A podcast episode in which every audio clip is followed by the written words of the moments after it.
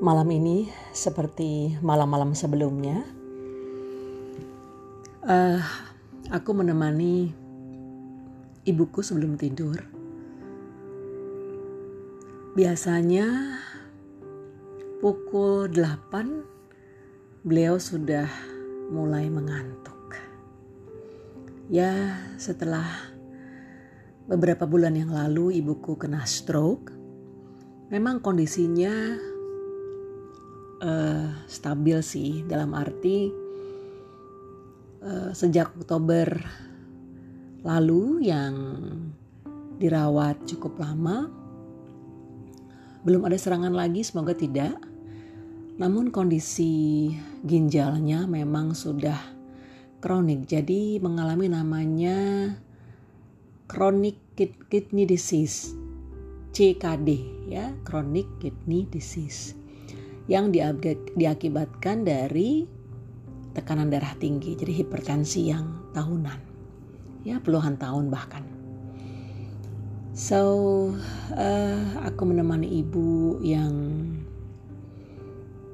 terlihat lebih kurus ya.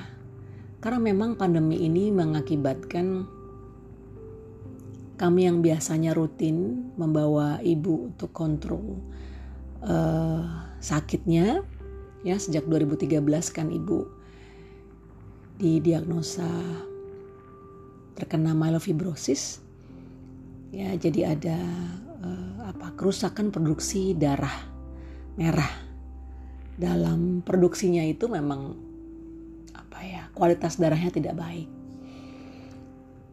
2013 sempat di ICCU selama 10 hari. Lalu alhamdulillah ya seperti apa ya uh, hidup lagi gitu ya dalam arti diberi kesempatan kedua. Malam ini aku ingin cerita, bukan hanya sih, aku ingin menyampaikan uh, ibuku tuh orang yang sangat tangguh, kuat, ya dan tidak cengeng. Yang aku melihat beliau itu apa ya berjuang terus gitu dari kecil berjuang anak pertama dari 10 bersaudara adiknya ada 9 jadi lima di bawahnya persis itu laki-laki lalu empatnya perempuan ditinggal meninggal ayahnya masih remaja lalu ibunya waktu itu juga masih muda menghidupi sembilan anaknya, sepuluh anaknya maksudnya. Ya dengan ibu sepuluh. Berjuang tertatih-tatih tapi uh, selalu yang aku ingat yang ibu selalu katakan, jadilah anak yang kebenaran fit. Kebenaran terus saja gitu. Apa-apa bener. Gak apes, gak kena celaka. Ya, jauh dari fitnah. Dan hal kedua yang ibu selalu ingatkan juga bahwa hidup itu harus berjuang gitu. Ya, uh, harus diupayakan ya rezeki itu harus diraih dan ilham itu harus di-create gitu loh. Dia nggak akan datang sendiri. Dan ibu walk the talk. Beliau memberi contoh kami. Betul aku adalah anak pertama dari tiga bersaudara. Ibu memberi contoh itu. Sejak 2013 sampai detik ini memang kondisinya tidak segagah dulu sih ya karena sudah sakit itu. Nah, Oktober 2020 kemarin kena serangan stroke dan memang jadi lebih kurus. Ya pandemi itu sih yang mengakibatkan juga kita nggak bisa rutin kontrol untuk bawa ibu berobat ya. Karena ngeri. Ngeri banget kemarin tuh waktu stroke aja. Kami mencoba bawa ke rumah sakit pon. Ternyata penuh. Ya kan? Terus ngeri kan?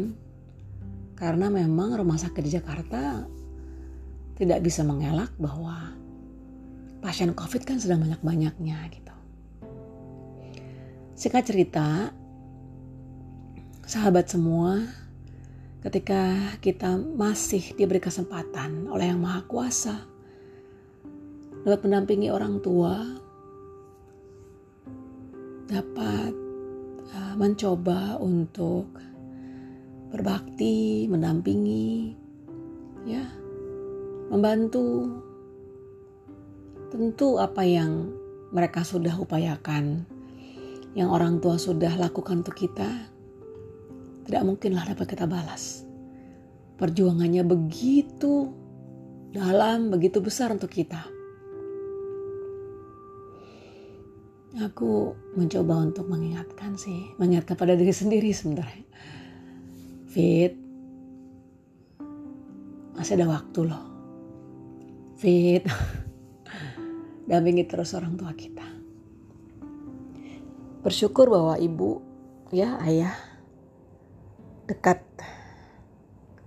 tidak di luar kota yang kita dapat dampingi terus. Namun demikian apabila sahabat berjauhan dari orang tua karena orang tuanya mungkin ada di luar kota, sering-sering menyapa, sering-sering menelpon, video call, pasti beliau-beliau senang. Kebayang sih kalau nanti aku juga jadi orang tua gitu kan. Anak-anakku sudah berumah tangga, sudah tinggal sendiri-sendiri gitu. Pasti akan sangat senang ketika kita ditanyai keadaannya, didatangi, meskipun ya harus hati-hati ya kalau lagi seperti ini. Mereka punya penyakit bawaan. Kita juga harus hati-hati banget agar mereka tetap steril. So sahabat semua, uh, salam hangat untuk orang tua. Orang tua kita, orang tua sahabat ada di mana? Ada di luar kota kah? Sering-sering menelpon ya, sering-sering menyapa, tanya kabar, atau apabila memang ada orang tua sahabat yang sudah berpulang, kita berikan doa, kita sampaikan bahwa kita mencintainya sampai kapan pun. Salam hangat untuk Bapak Ibu, Papa Mama, Ayah Bunda, Bapak Emak, Abah Umi peluklah, sentuhlah mereka sesering mungkin. Selagi kita diberi kesempatan. Selamat malam sahabat semua, sampai jumpa. Bye.